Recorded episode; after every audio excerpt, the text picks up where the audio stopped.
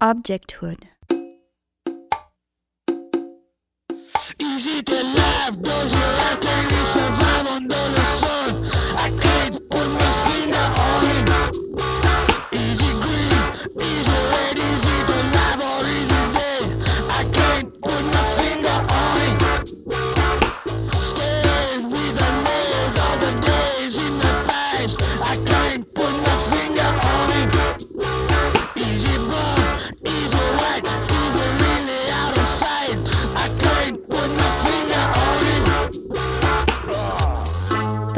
Hearing in the background, I Can't Put My Finger on It by Ween, is a brilliant take on the problem of epistemology contained in their 1994 album Chocolate and Cheese. The lyrics are basically a series of short questions about an object that is never revealed. Can it survive under the sun? Is it alive or is it dead? Is it brown? Is it white? Is it really out of sight? Can it heal? Is it real? Can it feel the threads of time? Does it glow? Will it shine? Does it leave a trail of slime? All that is clear is that the object remains completely withdrawn, a total mystery. In our everyday life, the term object is a wild card, a placeholder that we readily exchange with other similarly flexible words such as thing. The concept of object is ubiquitous in our language and view of the world, and it seems hard to describe our experience of reality without making explicit or implicit reference to objects. Poincaré even said that the notion of space independent of objects is impossible to picture. And yet, despite this apparent prevalence throughout history, objects have been at the center of a heated debate. For centuries, philosophers have dissected objects into their parts and wholes, their properties, their constituting matter, and so on, often pushing them towards the background and creating a weird chasm between metaphysical inquiry and everyday experience. Over the past century, however, the overlapping ideas of philosophers such as Alfred North Whitehead, Bruno Latour, Xavier Zubiri, Alexius Meinong, Charles Sanders Peirce, and others have spawned a number of new views that counteract previous strategies. Far from the trends that have dominated the debate for a long time, these realist ontologies embrace objects to the fullest, putting the subjectless object at the center and going well beyond the material and the middle sized. For Graham Harman, who pioneered object oriented philosophy in 1999, this flattening post-humanist take on objects is the best antidote against the anthropocentric perspective that Quentin Meillassoux calls correlationism. For Harman, objects are entities quite apart from any relations with or effects upon other entities in the world. Authors like Timothy Morton, Ian Bogost, Levi Bryant, Jane Bennett, and Steven Shaviro, among others, have expanded on Harman's object oriented ontology in recent years, taking its flatness to other fields such as ethics, ecology, or video game theory. Bogost says corporeal and incorporeal entities count, whether they be material objects, abstractions, objects of intention, or anything else whatsoever. Quarks, Harry Potter, keynote speeches, single malt scotch, Land Rovers, lychee fruit, love affairs, dereference pointers, Mike the Situation Sorrentino, horticulturist Mozambique, Super Mario. Not one is more real than any other. In the first part of South Park's 2008 Imagination Land trilogy, Kyle makes a point about leprechauns being imaginary creatures, to which the mayor of Imagination Land replies, Well, of course they are. But just because they're imaginary doesn't mean they aren't real. In Harman's terms, the reality of a thing cannot be identified with its presence, its unconcealment, or its usefulness for any particular human agent.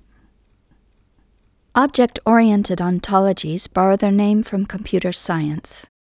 In object oriented programming, a term coined in the early 60s at MIT, all the elements in the program are treated as simple objects, independent from each other but able to communicate and interact.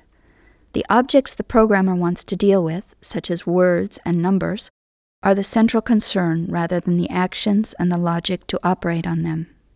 This metaphorical likening of digital units to physical objects has in turn been broadened by contemporary theorists such as Luciana Parisi, Paul Caplan, or again, Ian Bogost, who have adopted a realist approach towards data, code, and algorithms. In his research on digital photography, Caplan considers the JPEG standard an actant, that which Bruno Latour described as elements in a network that modify or enhance other actors. Meanwhile, extending Whitehead's idea of eternal objects, Parisi talks of algorithmic objects as concrete operations of space time, not just as strictly armchair conjecture, but in relation to disciplines like architecture, industrial design, or choreography, where data can easily be thingified or compressed into a number of discrete objects, as in the project Synchronous Objects for One Flat Thing by the William Forsythe Dance Company. For Parisi and Stamatia Portanova, these objects not only visualize, but simultaneously transduce and reanimate the complexity of the dance elsewhere. This podcast is about objects, but more importantly, it is about some of the recent theories that offer new conceptualizations of objects in contemporary philosophy and art. This episode features Graham Harman and Luciana Parisi. Harman's object oriented ontology opposes Kant's anthropocentrism and the scientistic standpoint, in defense of a radically broad notion of objecthood while Parisi looks at the relations between things and data, between macrophysical objects, or blobjects as Karim Rashid called them, and the algorithms that create them.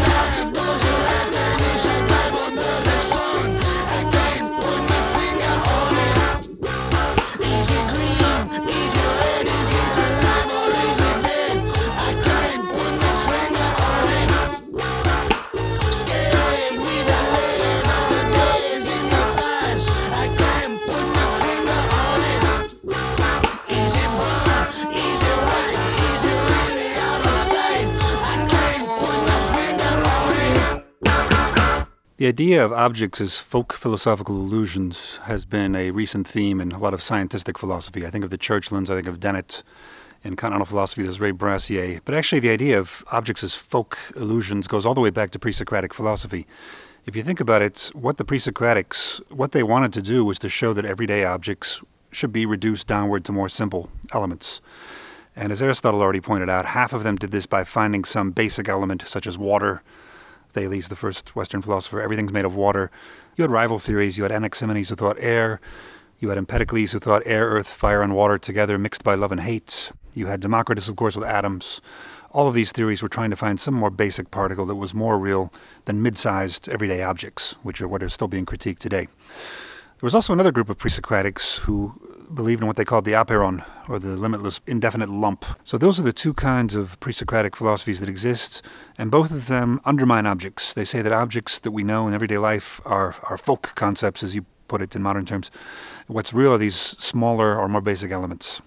In modern times, you get a reduction in the opposite direction going upwards, where objects are too shallow to be true. They can be smashed up into these little pieces. In most modern philosophy, Objects are figments of the imagination. Everything is what it is for language, everything is what it is for consciousness. Everything is simply an event or it's an effect. Uh, there's nothing deeper hiding underneath. That's called naive realism. You get this in people like Zizek. You get it even in people like Whitehead and Latour, my own favorites, different variants of this. There's nothing hiding underneath the effects, nothing hiding underneath the accessibility to consciousness. Uh, Aristotle was, of course, saying that there are these individual things that are not reducible to smaller particles and are also not reducible to their relations and effects because the same substance can have different effects and still be the same substance. Socrates can be happy one day and sad the next and still be Socrates. I wouldn't call myself a member of the Aristotelian tradition because, for example, they privilege natural things they're always talking about trees and, and, animals. They're not talking about machines or governments or armies or things that, I, in my opinion, are also real objects, even though they're made out of many pieces. I don't think the fact that a thing is made out of pieces makes it unreal. Quite the contrary, because you can change the pieces around and the thing will still be the same. We're losing cells and atoms every day from our bodies, and it's still the same body, I would say. Leibniz, who I love, is actually maybe even a little worse because he thinks the objects are also eternal. They were all created by God at the beginning of time, and he, God will never create any others in the future. And so they're actually indestructible. Whereas Aristotle, the great merit of Aristotle is that he was the first philosopher in the West to have primary substances that are destructible. That was lost in Leibniz, so I want to keep that. But I also want to add all these different levels of substance sizes so that we can talk about machines as well as protons and chemicals and armies and, and things of that sort. Barcelona as, a, as an object. Why should it have to be the smallest thing? I would say since World War II, European philosophy has really been dominated by currents coming out of Paris. And so now you'll hear people talking a lot about Deleuze, Badiou, and some other thinkers.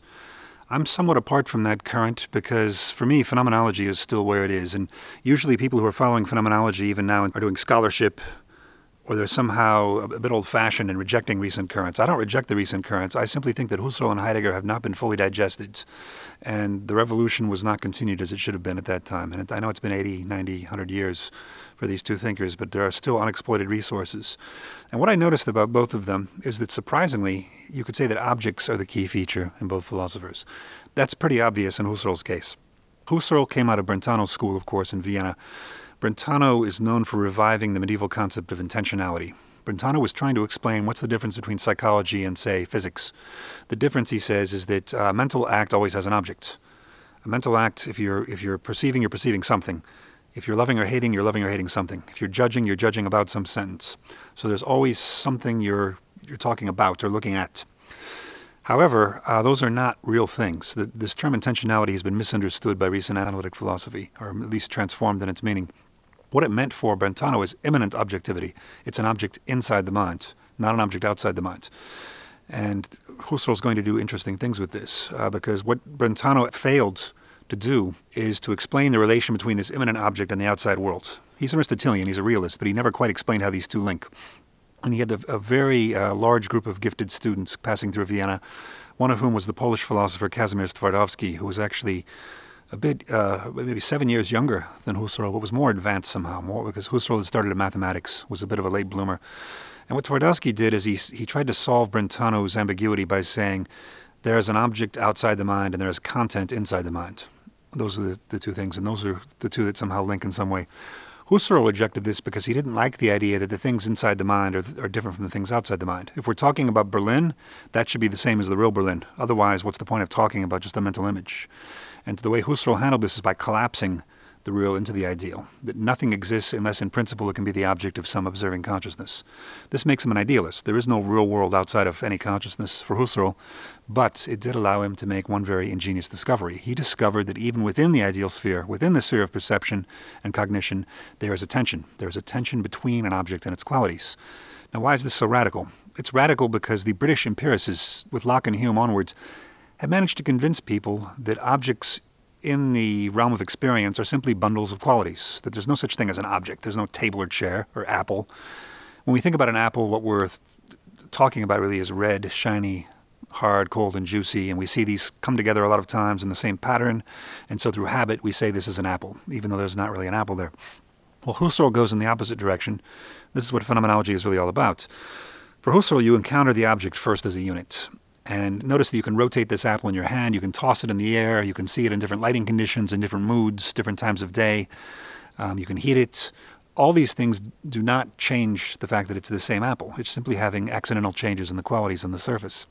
So Husserl was the first to show that tension within the realm of experience without appealing to any real world outside. Within experience, there is this tension between the two poles. The object is a unified thing, and the object is this surface of glittering and always changing qualities. And what phenomenological analysis is always about in, in Husserl's hands is testing things by moving them around to get at what are the essential qualities that the thing must have in order to be what it is and, and subtract all the accidental ones. You're trying to get at the eidos, he calls it, the essence of a thing through analysis. What Heidegger pointed out to us, and this is probably the greatest insight of the 20th century in philosophy, in my opinion, is that uh, we don't normally encounter things as present in consciousness that's only a very small amount of our lives and what we experience. For the most part, we're taking things for granted. They're invisible. The floor on this stage, for example, you weren't thinking about it until I mentioned it, but you were relying on it. If it disappeared, you'd drop 20 meters and hit the, the cellar or whatever's down there. Um, your bodily organs, you weren't thinking about until I mentioned them. And yet, the fact that they're functioning keeps you alive. If you had a major organ failure, you'd have to be rushed to the hospital. The interview would come to an end. Uh, the grammatical structure of English. We all speak English here in this in this group. Um, so we take the structure of English grammar pretty much for granted. unless we're talking with somebody who barely knows it, and then, then it is drawn to our attention by the fact that major mistakes are being made. So, for the most part, we are relying on things to be working unconsciously and visibly. This is what we're relying on. This is Heidegger's famous tool analysis. This has recently been picked up in analytic philosophy as well and has become a, a mainstream idea in the last 20 years in the Anglophone worlds.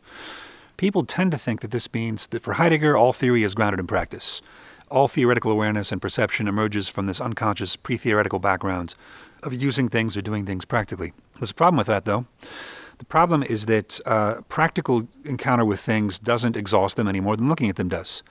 If I look at this table, I don't exhaust all of its features. It has deeper properties that can surprise me at any given time, like weakness in the legs, perhaps. I don't see that by looking at it, but perhaps it's there, and the table will suddenly collapse in a couple of minutes. Who knows? But by using it, the same thing happens. So if I'm leaning on the table, not thinking about it, the leaning on it also doesn't exhaust those cracks in the legs that might collapse at any second. And so you have to say that, that what Heidegger's analysis really shows us, even though he didn't realize this fully, is that objects are deeper than any contact we have with them, whether it's theoretical or practical contact.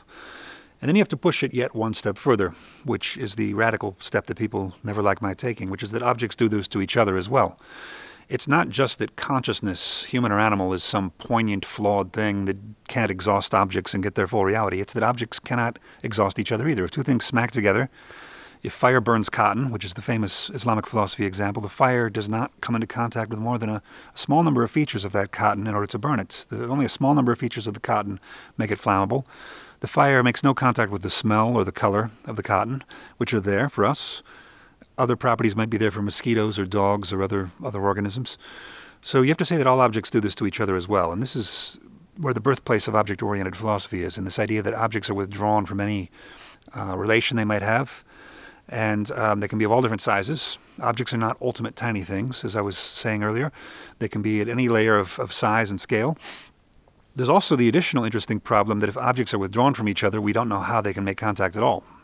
And this is the problem that was first discovered for different reasons in philosophy and Islamic theology by the so called Ash'arites and what is called occasionalism, which came to Europe later. This was the idea that not only is God the only entity capable of creating, but it's blasphemous to think that anything but God can even have causal power. And this was a fringe movement within Islam. It was the more conservative movement, as opposed to Averroes and Avicenna, who were coming out of Plato and Aristotle, the Western tradition. This was really a purely Islamic theological consideration. There's a, a, passage in the Quran that they interpreted as meaning that all causal relations are mediated through gods. No two things directly touch each other. Now, this came into European philosophy through Descartes, through, of course, through the mind body problem. That since mind and body, the two substances other than gods, are so different, how could they ever affect each other? So, if I want to move my arm, how can I do it? It must be through gods. Now, Malebranche, who was the great Cartesian after Descartes, restored this to become a problem of interaction between all objects and not just mind and body. So it became a body body problem as well, just as for the Muslims earlier. That two physical things interacting also have this problem, and he says that God has to bridge the gap between them. Now that sounds fairly comical to most people in the West today because we're not used to making those sorts of arguments. It's not not quite as comical to my students in Egypt perhaps, but you never hear a person in Western countries say this with a straight face, even religious people. But notice that it's not that different from what Kant and Hume say in an upside down fashion. Kant and Hume are also saying that one entity has a monopoly on causal relations. It happens to be our mind. For Kant, causality is only a category of the mind. For Hume, cause and effect are only a matter of habit, that we're seeing things habitually through customary conjunction happening a certain way. That's what cause is for Hume. The problem is, it's not that different from what the occasionalists say. Sure, it's the mind and it's not God, and so people will laugh less in the 21st century at it. But in both cases, they're giving monopoly on causation to one entity at the expense of all others.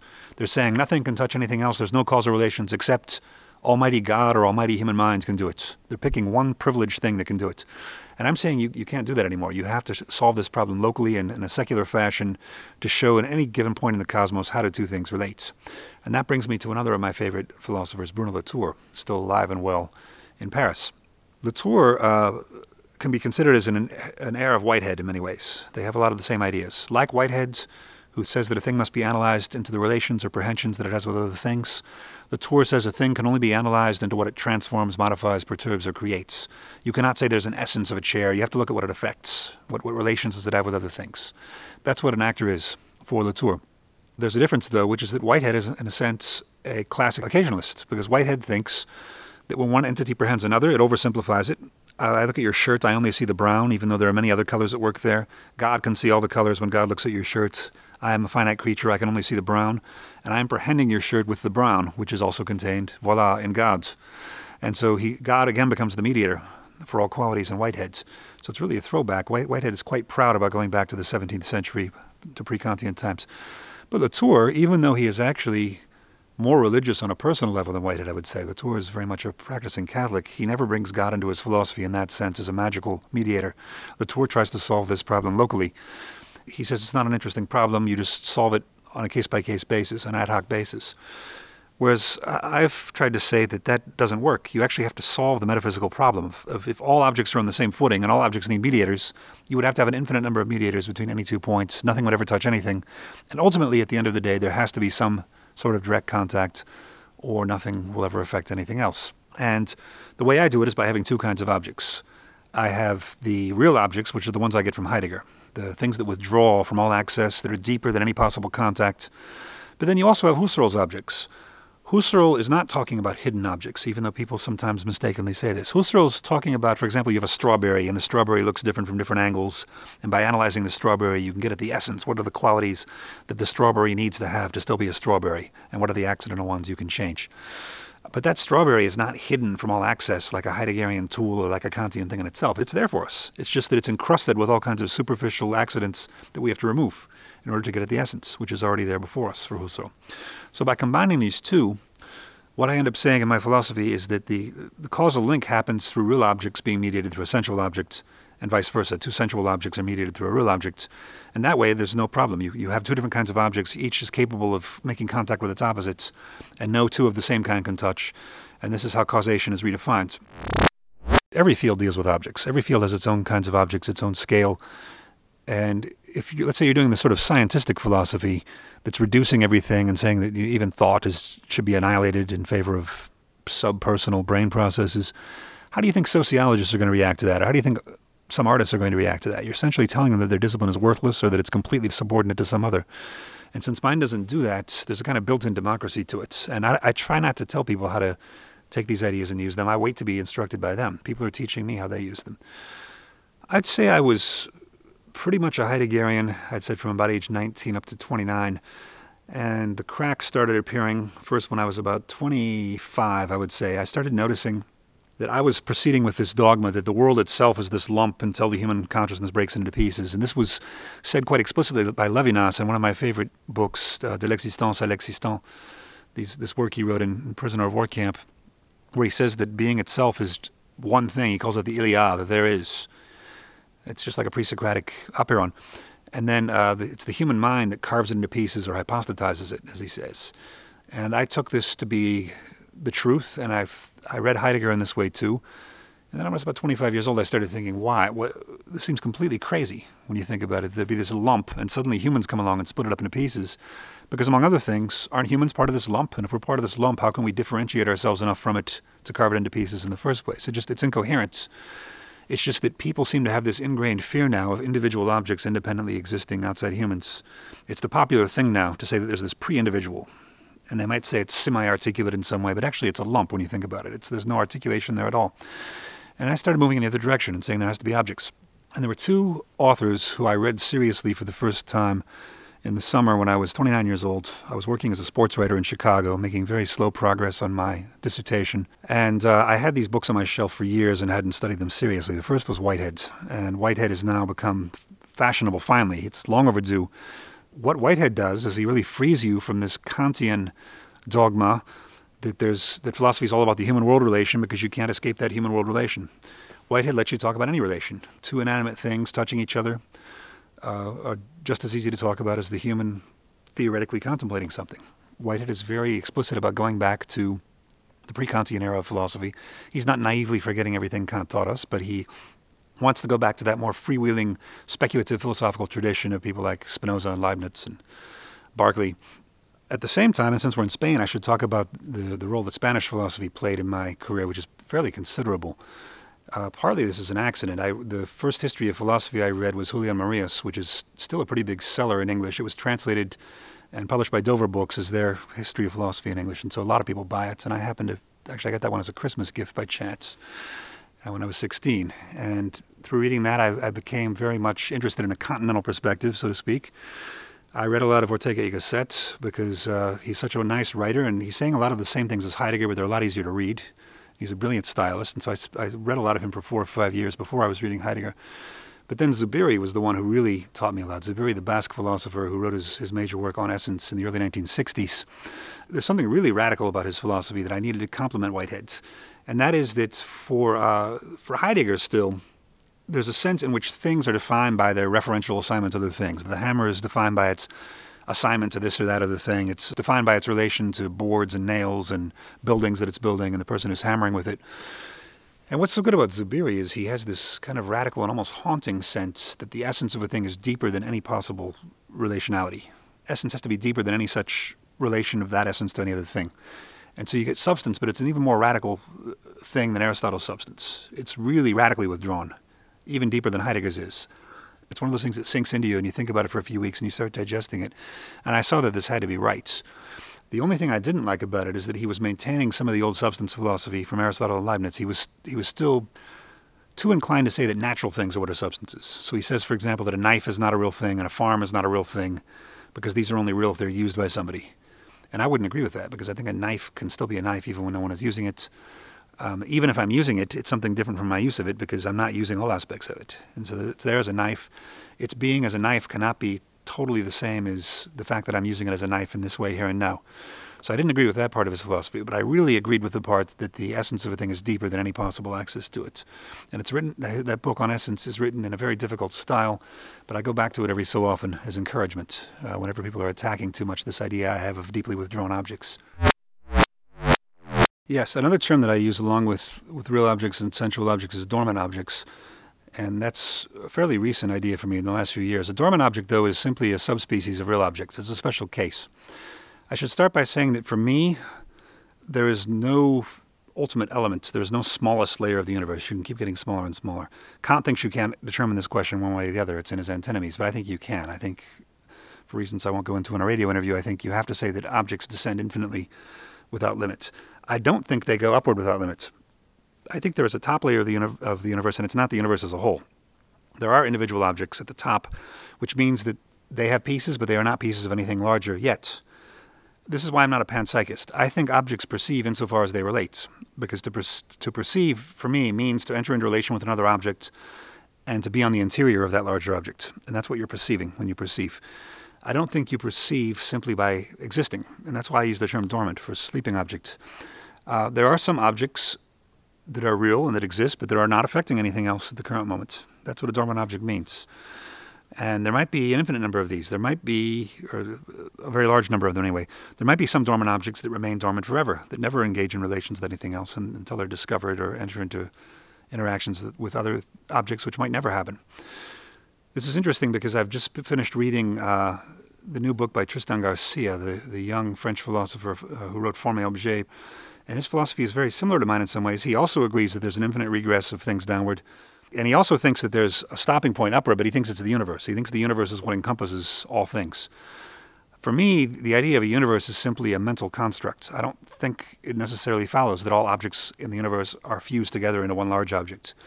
They're very discontinuous, I think. They're scattered from each other, they're localized. Why would all objects in the universe interlink with each other? That seems completely arbitrary. That seems to reflect a a uh, pointless need for wholeness that is not established in any facts. I think what you have at the top of the universe are all these scattered wires that are not connected to each other, and maybe once in a while they, they cross and form a new current. But there's no reason to think that all the loose ends are tied up at the top. I think there is no universe. I don't believe in matter. I think matter is simply a concept that people posit because they realize that you can't just have a world made of mathematical forms, things that be inhering in something, so there must be some hard stuff underneath that is resisting us. I don't see it that way at all. I think the world is made of forms, but they're substantial forms. They're not forms in somebody's mind. They're forms in the sense that they're shaped. There's no such thing as shapeless matter that everything's built out of. I don't see the point of this concept. Um, and so you keep on descending all the way down into smaller and smaller objects. In many ways, philosophy for the last 400 years has been trying to turn itself into a science, uh, ever since Descartes, especially Spinoza, using geometrical methods to try to uh, deduce truths from certain first principles that are established once and for all as definitely true. And over and over again, people are trying to, to brag about how scientific their philosophies are and, and how how they follow in deductive logical fashion from the original first principles. Whitehead, I think, destroys this. Whitehead says that deductive uh, logical deductions are a very subordinate method in philosophy. Philosophy is about descriptive generalization. And if you uh, go with the usual everyday contrast between the science and the arts, I think it would be more interesting to try to turn philosophy into an art rather than a science. What's the difference between the two? I would say that in the sciences, you can replace a thing with a description of its qualities. So an electron, at least science tries to do this. Science tries to define an electron as having such and such properties. So I don't think that works even in the sciences. I think usually science is struggling to try to find the exact properties of its objects, even though it already has some pre-discursive access to those objects. It's pointing at its objects, even though it doesn't know what all their, their qualities are. But in the arts, this is even more pronounced. To some extent, you can paraphrase an electron as meaning such and such qualities. You cannot do that with, with the visual arts or literature or music. You cannot summarize an artwork and say basically what the artwork is saying is this and end up with anything but hack political interpretation. That's the best you're going to end up with if you try to summarize a work that way. You're not going to be able to take a work out of a museum and put a, a written description in place of it. Oh, that would be funny to try as an exhibition. It's probably been done. So the unparaphrasability of artworks is an important thing for me because I think ultimately there is no such thing as discursive propositional truth. You cannot make correct propositions about the world because the world's not made out of propositions. The world is something that's deeper than anything that can be said about it. The best you can do is obliquely or elusively hint at what, what's there in the world outside of our access to it. And there are too many attempts in contemporary European philosophy, even among some thinkers I really respect, such as Badiou and Meillassoux. Meillassoux a, a friend of mine, uh, who believe in absolute knowledge. Zizek, another favorite of mine, who believe absolute knowledge is possible, and I, I believe it's simply it's not. That, that, there is some reality outside of thinking and being are not the same, unlike what Parmenides says. So there's a reality outside of our thinking of it, and so we're never going to have absolute knowledge. I think the arts awaken us to this fact. You're never going to be able to summarize what an artwork means. Artworks elude, uh, they don't directly present. I actually did this more with metaphor in my second book, Guerrilla Metaphysics, where I analyzed some metaphors and looked at some theories of metaphor. The example I used was in Max Black, an analytic philosopher, uses this very boring metaphor, man as a wolf. You can't summarize what that metaphor means. You can't say basically what Black means there is that humans are hierarchical and violent and travel in packs, just like wolves. That would ruin the metaphor. You ruin a joke if you summarize it that way. Much human communication is not direct. It's hints and innuendos and allusions, and you would ruin it if you spelled everything out. Um, and so we know this from everyday communication. Aristotle says that rhetoric is about this. Rhetoric is about not having to state everything that people that your audience knows. Aristotle says you can tell your Greek audience this man has already been crowned three times with laurel, and you don't have to say that he won the Olympics three times because all the Greeks already knew that. You're, there's so much in language that's unstated because it's shared by all of you, or you're, you're hinting at it or insinuating it. So, the sense in which artworks are objects, well, I think they at least allude to objects or hint at objects in a way that science actually does, but science doesn't think it does. Science thinks it is giving a complete list of the exhaustive list of discursive properties of every object, and that it's finished its job once it's given all the properties. I think this is impossible even in science, but at least the arts are more aware of this. That you cannot you cannot summarize an artwork by listing ten features that it has. It has an integrity, it has a unity, and it also has a non-presence. It has an absence. Uh, that is outside its specific physical surface. For me, when I speak of uh, algorithms as actual objects, I am really interested in looking at uh, data as objects. Sets of instructions are not simply abstract forms, but are actually concrete divisions or concrete operations of space time. So the reason why I call them object is because I don't want to say that this data is just uh, ideal or is just, um, let's say, in a vulgar sense, abstract. Despite the fact that for me, abstract is a positive connotation. For me, when something is abstract, means that it's really real. And being very real is also very concrete. So, despite the fact that we don't see it, the enterprise of this data or this kind of governance of data is invisible to us. Nonetheless, it structures our everyday. And we can only see it through the interface. So the interface is this other level of this object that actually appears to us in some uh, kind of easy, uh, accessible way, where we think we can manipulate, where the, the, the user or the participant or the interaction um, gives the sense that we actually can manipulate this data object, that it is there for us.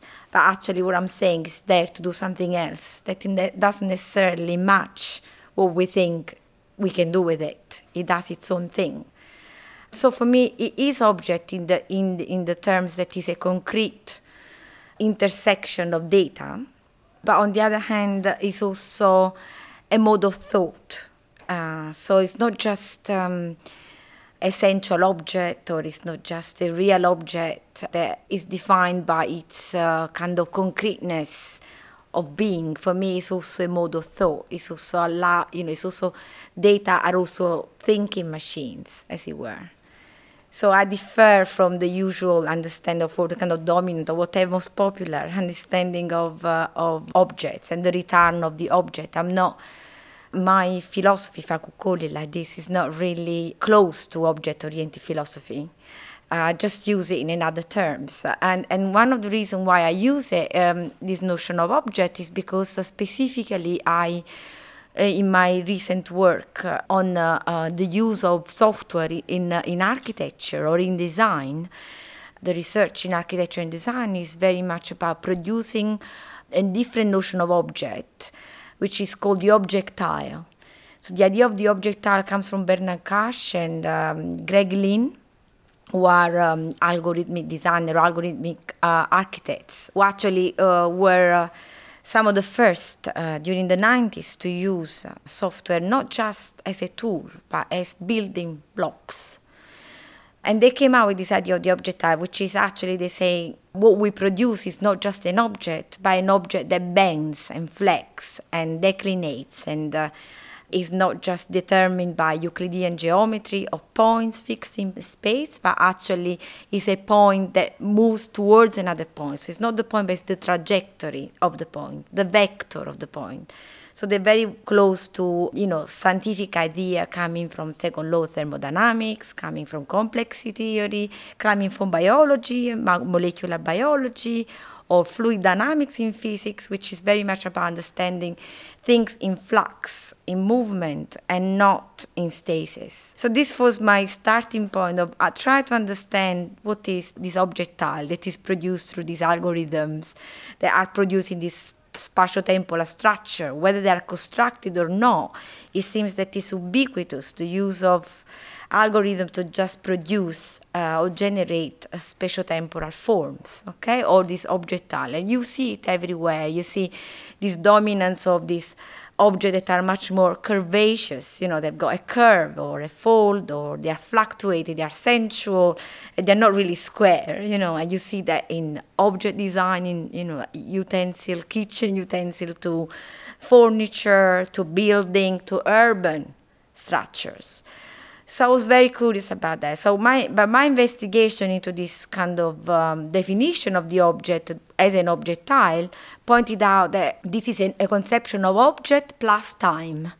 So it's an object that evolves in time. So what, what is it captured by this architectural form is the evolution of the object or the evolution of a point from A to B.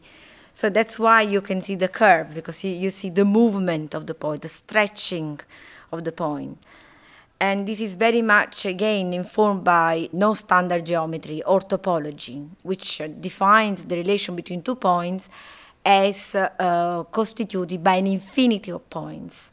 There is no gap, there's just a flow, a continuity, a stretching. And then what happened is that I start thinking, okay, but I see this everywhere. You know, there is some kind of capacity of software to produce this kind of form that the way design and architecture in particular has latched onto it is to argue that there is a different kind of style or a neo-baroque, like Greg Lynn called it. But that became, for me, the dominant aesthetic of contemporary culture. So I became um, suspicious because you know you can't just be complacent with it. This I found resonance of this kind of uh, dynamic conception of objects everywhere a graphic user interface or any inter- kind of interactive architecture or interactive choreography you know this kind of wanting to capture the biophysical or the, the, the biological the physical dynamics of a point to include them into the software so that the program could actually become dynamic itself.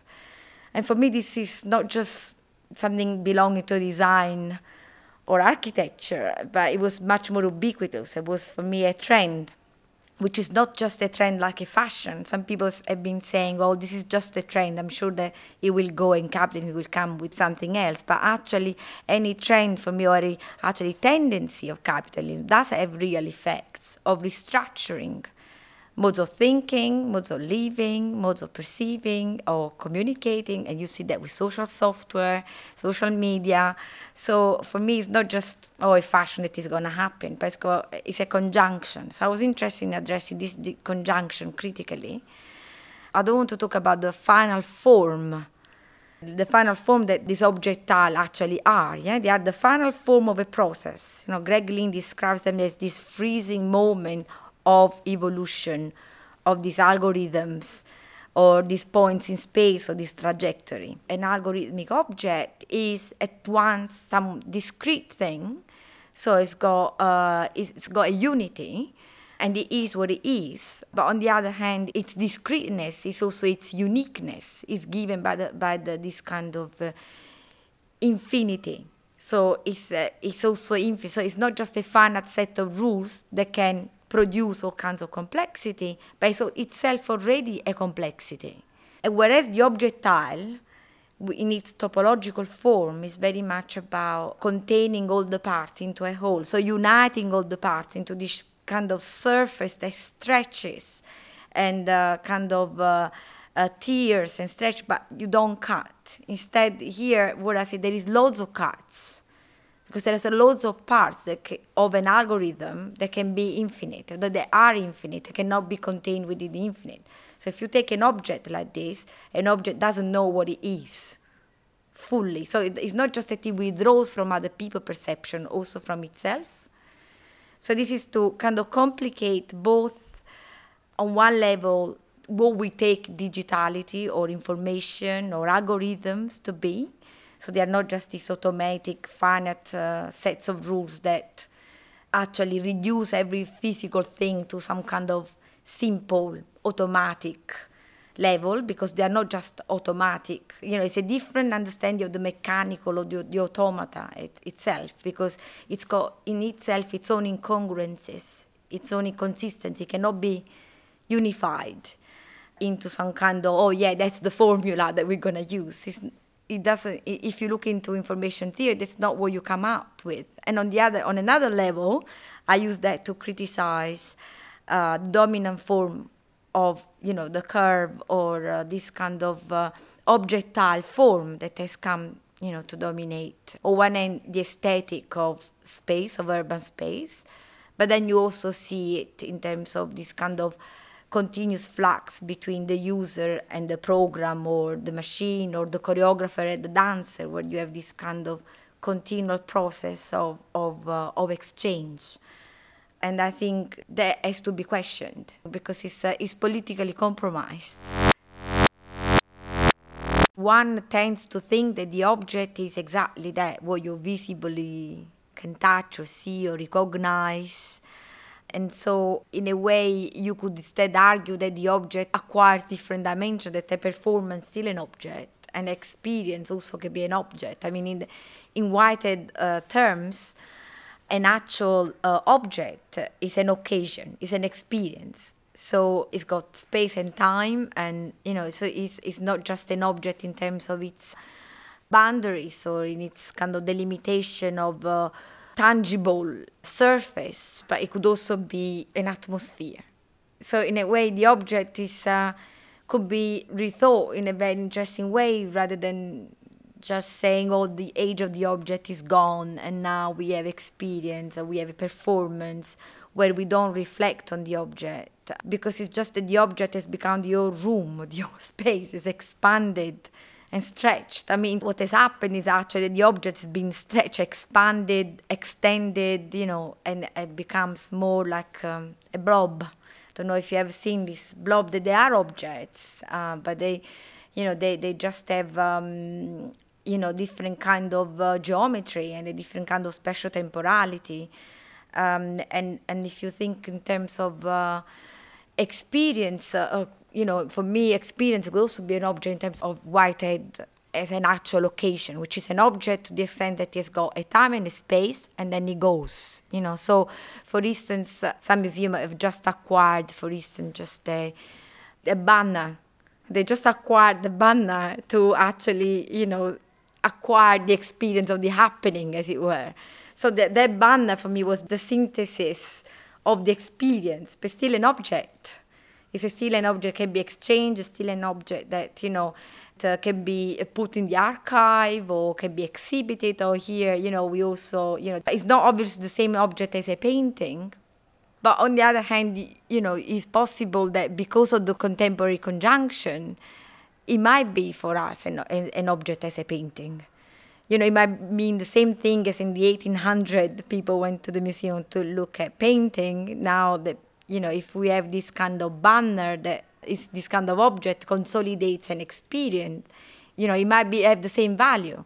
Because what is interesting about epistemological endeavor and the way things change is exactly that actually history moves, you know, that, you know, there is no progress and there can be always, you know, many time of uh, collapse time from the past and the future in the present, you know, exactly time is mobile, time and space are mobile but also it's the conception, the production, the you know the manifestation of the object, and one has to be open to that rather than thinking that the object is passé.